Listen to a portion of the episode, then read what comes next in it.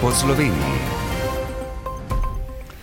Dober dan. Zaradi vse večje energetske krize je po slovenskih občinah vse več pobud o ustanavljanju energetskih zadrug.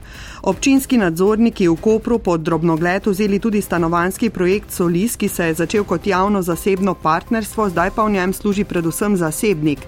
Slišali boste, kako so se v času perečega pomankanja zdravnikov v Borovnici lotili nadomeščanja upokojene zdravnice, pa tudi dokdaj še bodo razburjali zastoji na regionalni cesti med Mariborom in Ptujem.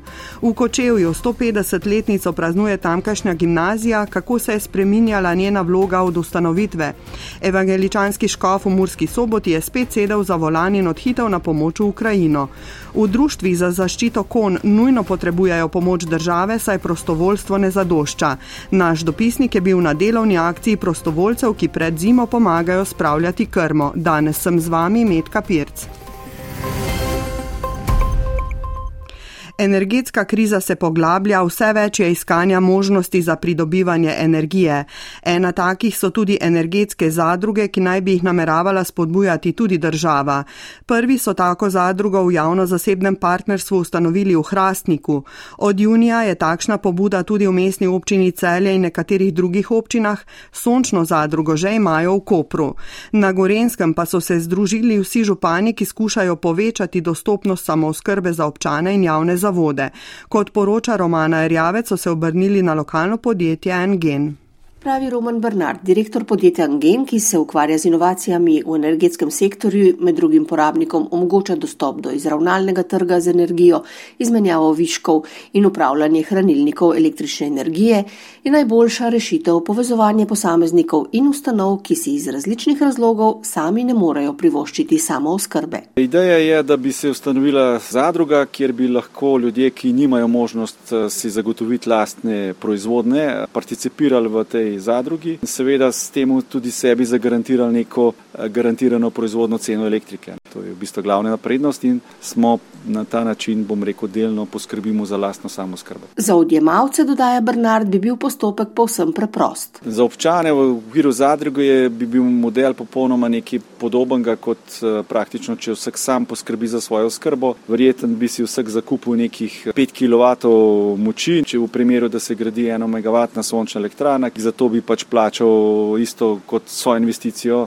v tem primeru bi si pa zagarantiral na dolgi rok ceno iz te elektrarne, ki bi bila nameščena lahko in na Gorenskem, lahko bi bila pa tudi v Lendavi. Kot pravi radovliški župan Ciril Globočnik, želijo občine vzpostaviti čim večjo enakopravnost med lastniki več in enostanovanskih objektov. Zato je naš namen, da vse upravljavce povabimo tudi k sodelovanju, to se pravi upravljavce večjih stanovanskih naselij da skušamo najprej dobiti povratno informacijo in pa potem zagnati eh, eno obliko zadruge, ki bo prinesla potem ta rezultat k zniževanju eh, cen električne energije. In ni zanemrljiv tudi prihranek, ki bi ga od sodelovanja v taki zadrugi imele tudi občine same. No, seveda tukaj moramo povedati, da imamo mi ogromno premoženja kot občine, da imamo vrtce, šole, javne stavbe, športne objekte. Absolutno da tudi vse to bo vključeno v ta projekt. Idejo so že podprle vse občine tega območja, na jesenicah pa so šli še korak dlje.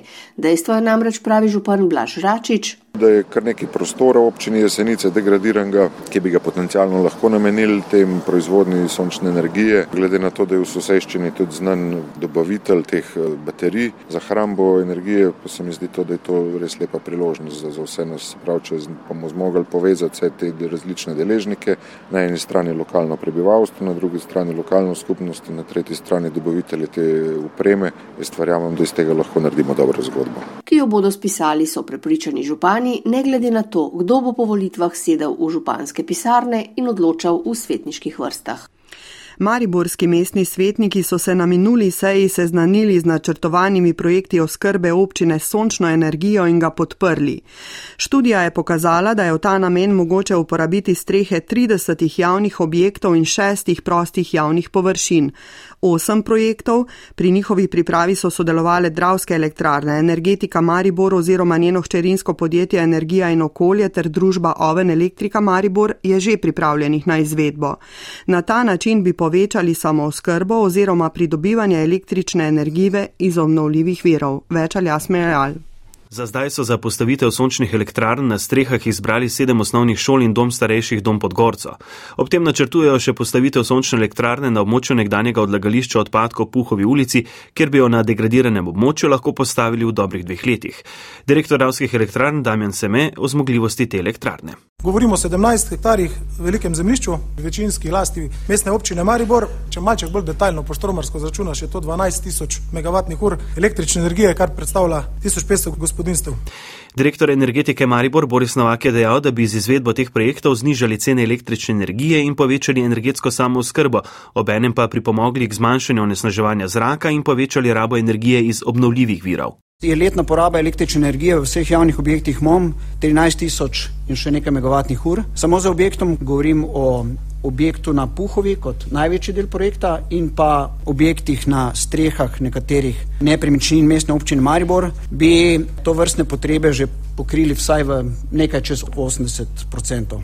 Direktor Novak je še dodal, da so omenjeni projekti lahko vzorčen primer sodelovanja največjih energetskih podjetij v regiji in lokalnih oblasti, dobili pa bi elektriko po konkurenčni ceni. Podžupan samo Peter Medved je ob tem upozoril.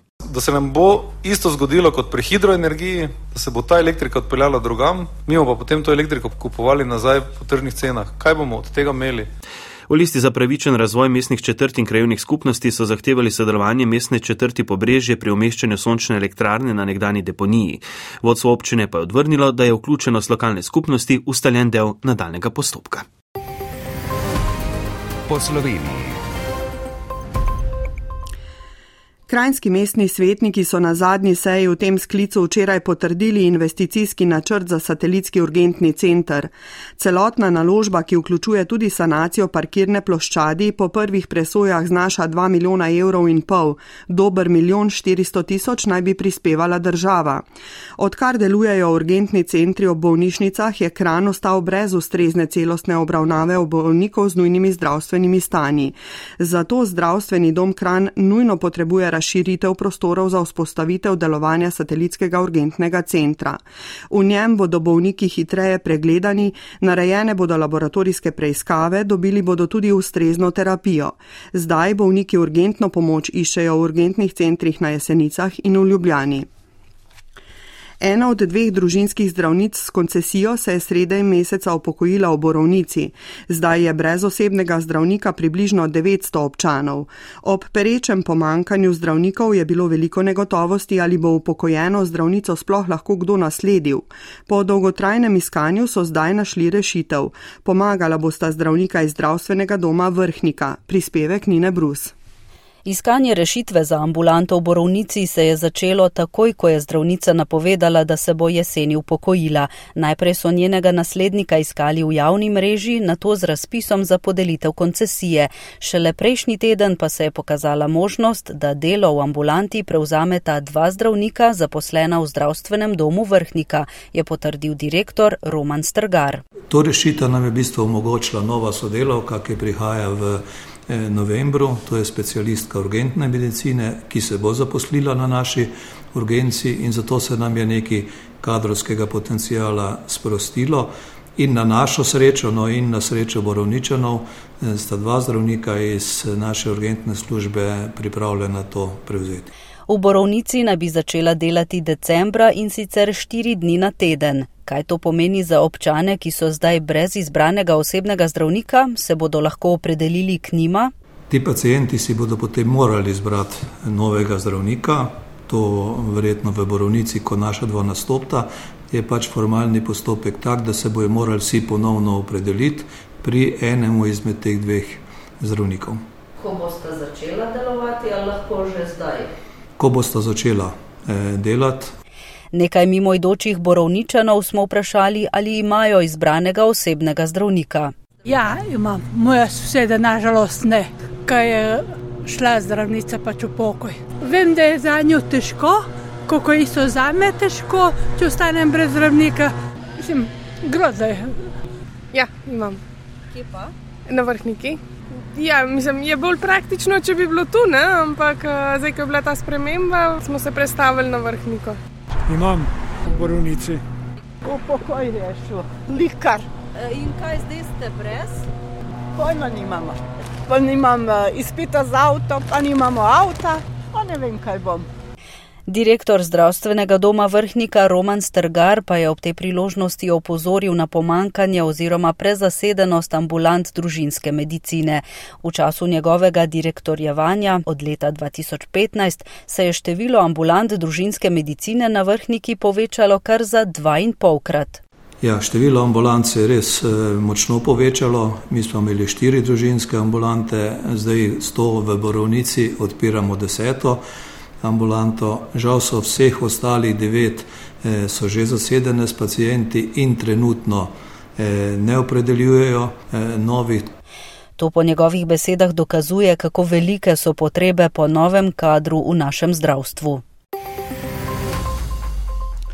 Nadzorni odbor mestne občine Koper je končal vse načrtovane nadzore. Poročila so javno objavljena, občinski svet se je z njimi seznanil. Eden zahtevnejših je bil nadzor projekta Solis, ki se je začel kot javno-zasebno partnerstvo, zdaj pa s prodajo stanovanj v njem služi predvsem zasebnik. Tjaša Škamperle. Pri gradnji stavbe Solis ob dvorani Bonifika, ki po 15 letih še ni povsem končana, so se po mnenju nadzornega odbora vsi upleteni, vključno z občinskim svetom, ki je v prejšnjem mandatu sklepe potrjeval, obnašali negospodarno, neučinkovito in nesmotrno. Član nadzornega odbora Walter Krmac. Ja, Solis je bil zamišljen kot zasebno javno partnerstvo in na koncu je končalo bolj zasebno kot pa javno. Nadzor je bil izjemno zahteven. Zgodba okoli Solisa je zelo zapletena in je veliko krat se gibala po konici noža, ali je to pravno pravilno in legalno, ali je šlo že malo čez. Ali tudi nezakonito, to presojo prepuščajo službi za lokalno samoupravo. Predsednik nadzornega odbora Jadran Bajec. Mi smo napisali in oznanili uh, sum oškodovanja in prekoračitev pooblastil. Občino je Solis tako ali drugače stal 20 milijonov evrov, ocenjuje odbor. Ko rečemo denarja, ne mislimo samo dejansko plačanih računov, ampak tudi izgubljenega premoženja in drugih uh, stvari, ki se seveda vplivajo na občinski proračun. Nadzorni odbor obžaluje, da so se občinski svetniki sporočili o nadzorih le seznanili in da se s tem niso zavezali k upoštevanju zapisanih priporočil. Tistega o neizdajanju občinskega glasila 90 dni pred volitvami občina ni upoštevala. Po mnenju odbora so občani v teh dneh domov dobili glasilo, ki favorizira enega kandidata, sedanjega župana. Direkcija za infrastrukturo Republike Slovenije od junija obnavlja most čez kanal hidroelektrarne Zlatoličje v občini Miklauš na Dravskem polju. Ta je del regionalne ceste med Mariborom in Ptujem in ga dnevno prečka okoli 5000 vozil. Obnova, ki zaradi kolon pred začasnimi semaforji jezi predvsem voznike, bo trajala predvidoma do pomladi. Branko Zavrnik. Most med Miklažem na Dravskem polju in naseljem Loka v sosednji občini Starše je kazal pred obnovo klavrno podobo. V posebej slabem stanju sta bili asfaltna predleka in ograja. Obnova je zato celovita in s tem dolgotrajnejša. Popravili bodo betonsko konstrukcijo, vozišče, ograjo in pločnik ter s karbonskimi lamelami povečali nosilnost mostu, pojasnjuje vodja sektorja za investicije v ceste pri Direkciji za infrastrukturo Tomaž Vilempart. Celoten poseg je vseeno približno 260 metrov, ne? ni to samo most, ne? tudi priključne ceste. Pri rekonstrukcijah mostov pač ne gre drugače. Ne? Težko rečem, da delajo počasi, da delajo hitro. To je pač na razpisu rekel, dosežen rok in tega se moramo vsi držati. Če je upravičeno, se prizna podaljšanje, če pa ni, se pa zaračuna penala izvajalcu. Zaenkrat tukaj teh težav nimamo. Dela potekajo počasneje tudi zato, ker je treba med obnovo zaradi odsotnosti ustreznih obvozov omogočati tudi promet in sicer izmenično enosmerno z začasnimi semaforji. Seveda nastaja svoji. Ne?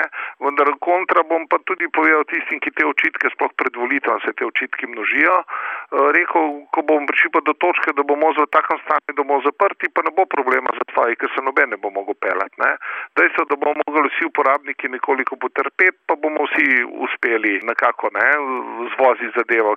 1,9 milijona evrov vredna obnova naj bi bila končana do 23. aprila. V nadaljevanju oddaje boste slišali o vlogi Kočevske gimnazije, ki praznuje 150-letnico, pa o evangeličanskem škofu, ki je v novič sedel za volan in odhitev na pomoč v Ukrajino. Bili smo tudi med prostovoljci, ki na posestvu na povzeli pred zimo pomagajo spravljati krmo za živali. Ostanite z nami.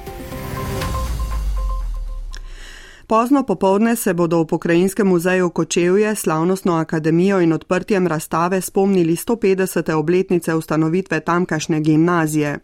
Ob ustanovitvi je bil namen jasen in enak kot na vseh jezikovno mešanih območjih - krepiti kočevsko nemštvo in germanizirati nenemško prebivalstvo. Kmalu po prvi svetovni vojni je nova državna nemško gimnazijo ukinila in ustanovila slovensko slovenskim učnim jezikom. Kot že prej nemška se je tudi slovenska gimnazija zaradi majhnega števila dijakov vse čas borila za obstanek. Danes pa deluje v okviru gimnazije in srednje šole Kočevje ter je glavni stebr razvoja srednjega šolstva v tej občini. O razstavi pa njen soavtor, kustos v Pokrajinskem muzeju Kočevje, Ivan Kordiš. Razstava 150 let gimnazije Kočevje prikazuje njen zgodovinski razvoj ter pomen in vlogo v uh, njeni dolgoletni tradiciji.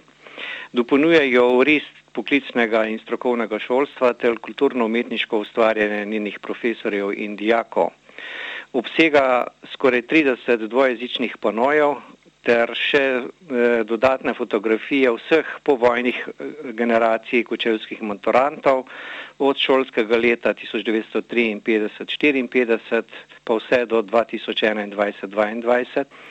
Na ogled je 56 predmetov, stara učila še iz stare eh, gimnazijske prirodoslovne zbirke, eh, pa tudi za pouk eh, fizike in komije. Razstava bo v Pokrajinskem muzeju Kočevje na ogled do prihodnje jeseni. V Pomorju se že vse od začetka vojne v Ukrajini tako posamezniki kot različne organizacije in društva trudijo pomagati tamkajšnjim ljudem. Tako je v Murski soboti spet sedel za volan evangeličanski škof Leon Novak in v bolnišnico v Užgorodu odpeljal kombi medicinskih pripomočkov. Učiteljica Svetlana Oletič, ki se je že pred skoraj teremi desetletji priselila v Prlekijo in ki svojim rojakom pomaga tako s humanitarnimi akcijami kot z iskanjem zaposlitve, učenjem slovenskega jezika in podobno, pa bo nocoj v Ljutomeru predstavila svoj drugi roman z naslovom Življenje gre naprej. Prispevek Lidije Kosi. Evangeličanska crkva in njena humanitarna organizacija Eho podpornica sta v Ukrajino zdaj poslali že tretji kombi humanitarne oziroma medicinske pomoči. V bolnišnico v Užgorodu, ki leži ob slovaško-mačarski meji, jo bo jutri spet odpeljal sam škof Leon Novak. V ta namen smo nabavili tri vakumske črpalke za drenažo ran, potem 20 invalidskih vozičkov, 50 bergel in pa potem še za gasilce v Ukrajini 20 komadov osebne ognjevarne opreme, prav tako 4 gasilske čelade in pa 4 pare gasilskih škornjev. Gasilsko opremo je prispevala Pomorska gasilska zveza, za medicinsko opremo pa so evangeličani prispevali 10 tisoč evrov. Kot dodaja Škof Novak, bo v Žgorodski dobrodelni organizaciji izročil tudi zlasti otroška oblačila, ki so jih zbrali ljudje v Pomorju. Kako je živela v zadnjem času, pa v svojem drugem romanu pripoveduje Svetlana Oletič, ki se vse od začetka vojne v Ukrajini zelo trudi pomagati svojim rojakom. Knjigo bo predstavila drevi v Ljutomeru. Če je prvo, ki je išla lani naslovila življenje, je naslov druge. Življenje gre naprej, ki se mi zdi tak je naslov, da eh, kljub vojni, kljub vsemu, kar se dogaja, moramo živeti naprej. In eh, podnaslov knjige je Mir, korona in vojna v Ukrajini, ki sem pač o tem mogla napisati, ki mislim, da takšne stvari ne smejo iti v pozabo, ki moram s tem nekako zaveščati ljudi. Nekateri še vedno ne verjamejo, da to v resnici dogaja. Oletičeva je sicer nameravala svoj drugi roman izdati ob koncu vojne v Ukrajini, a kaže, da ga še ne bo tako kmalo. In tako se bo še naprej trudila s pomočjo Ukrajincem, je odločena. Ja, pomogla, ja, ker eh, potrebe so, ne, mi pišejo tudi z različnih humanitarnih eh, fundacij, pišejo pa prosijo, ne, tako da včasih mislim, jo pa ne bi zdaj spet, ne, ampak, ampak ne morem drugače, ne, enostavno ne gre, ja, moram pomagati, ja. In tako menijo mnogi, ki v dobrodelnih akcijah za pomoč Ukrajini oziroma Ukrajincem prispevajo po svojih močeh. Predstavniki Društva za zaščito konj in ostalih živali so na posvetu pri predsednici državnega zbora Urški Klakočar Zupančič opozorili, da država za njihovo delovanje ne prispeva niti evra. Da bi se to spremenilo, bi namreč morali najprej spremeniti zakonodajo, kar pa lahko storijo le poslanci državnega zbora. V teh dneh pa lahko društvu pomaga prav vsak. Na posestvu na povzeli namreč pred zimo spravljajo krmo za živali. Delovni akciji, ki je bila danes zjutraj, se je pridružilo približno deset prostovoljcev. Obiskal jih je Matija Masnak. Dobar dan. Dobar dan, ste nam pripeljali seno? Pripeljal sem. Hrvaške, ne? Z Hrvaške, direkt. Ja. Tako je zjutraj na posestvu na Povzeli, kjer trenutno skrbijo za 35 konjev, ponjev in oslov, ter še nekaj ovc, kost ter drugih rejnih živali, ki so jih neodgovorni lasniki zanemarjali, voznika kamiona pozdravila predsednica Društva za zaščito kon Natalija Nedelko. Letos je malo pomankanje sena v Sloveniji pa tudi drago je, da smo letos uvažamo iz Hrvaškega. Čeprav bi si želeli, da bi se vabilo odzvalo več prostovoljcev, je deset pridnih parov rok, približno 12 ton sena, spravilo v dobrih dveh urah. Ja, drugače pa živeli lačne, ne? Nimamo kaj druga. Hodim pa vedno rada pomagati, kadar je možno. Zakaj? Zato, ker se mi zdi, da s tem, ko pomagamo Natali in njenim živalcem, da naredimo nekaj dobrega zase, za njo, v bistvu vsi imamo nekaj od tega. Dobro voljo in smehom delo lažje steče, ako na posestvu dobijo izmučeno žival, priteče tudi kakšna solza, pove predsednica društva. Ja, če se z inšpekcijo odzete, pol niso v dobrem stanju. To so že v bistvu tiste živali, ko so že pol čist na robo. Ne? Sredstva, da pomagajo trepinčenim rejnim živalim se ponovno postaviti na noge, trenutno zagotavljajo zgolj s prostovoljnimi prispevki in donacijami. Predsednica državnega zbora Urška Klakočar Zupančič jim je sicer ta teden obljubila pomoč pri pripravi nove zakonodaje, ki bi bila podlaga za državno sofinanciranje takih društev. Natalija Nedelko upa, da obljuba ni bila dana v prazno. S politiki je tak, pred volitvami takimi in drugačnimi to hodijo tu v kolonah, pa se radi slikajo z živalmi, obljubljajo Boga in pol, pol ko so recimo izvoljeni, pa ko je treba kaj narediti, jih je pa zelo malo takih, ko bi kaj priskočili, prisluhnili. Slovenija je namreč ena od redkih evropskih držav, ki nima zavetišč za rejne živali. Te zdaj sprejemajo društva, ki bi uradno lahko le kupitarje, za denar pa morajo poskrbeti sama. Novosti se obetajo tudi v osrednjih koroških kulturnih ustanovah. Z mesta direktorice Koroške galerije likovnih umetnosti se bo konec leta poslovila Andreja Hribernik, slovengraški mestni svet pa je včeraj soglašal s predlogom, da na to mesto za pet let imenujejo Petro Čeh.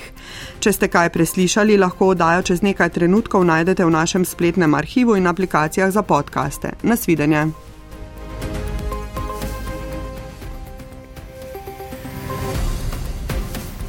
Poslušali ste oddajo po Sloveniji, urednik Dušan Milič, voditeljica Medka Pirc, tonski mojster Žiga Žižak.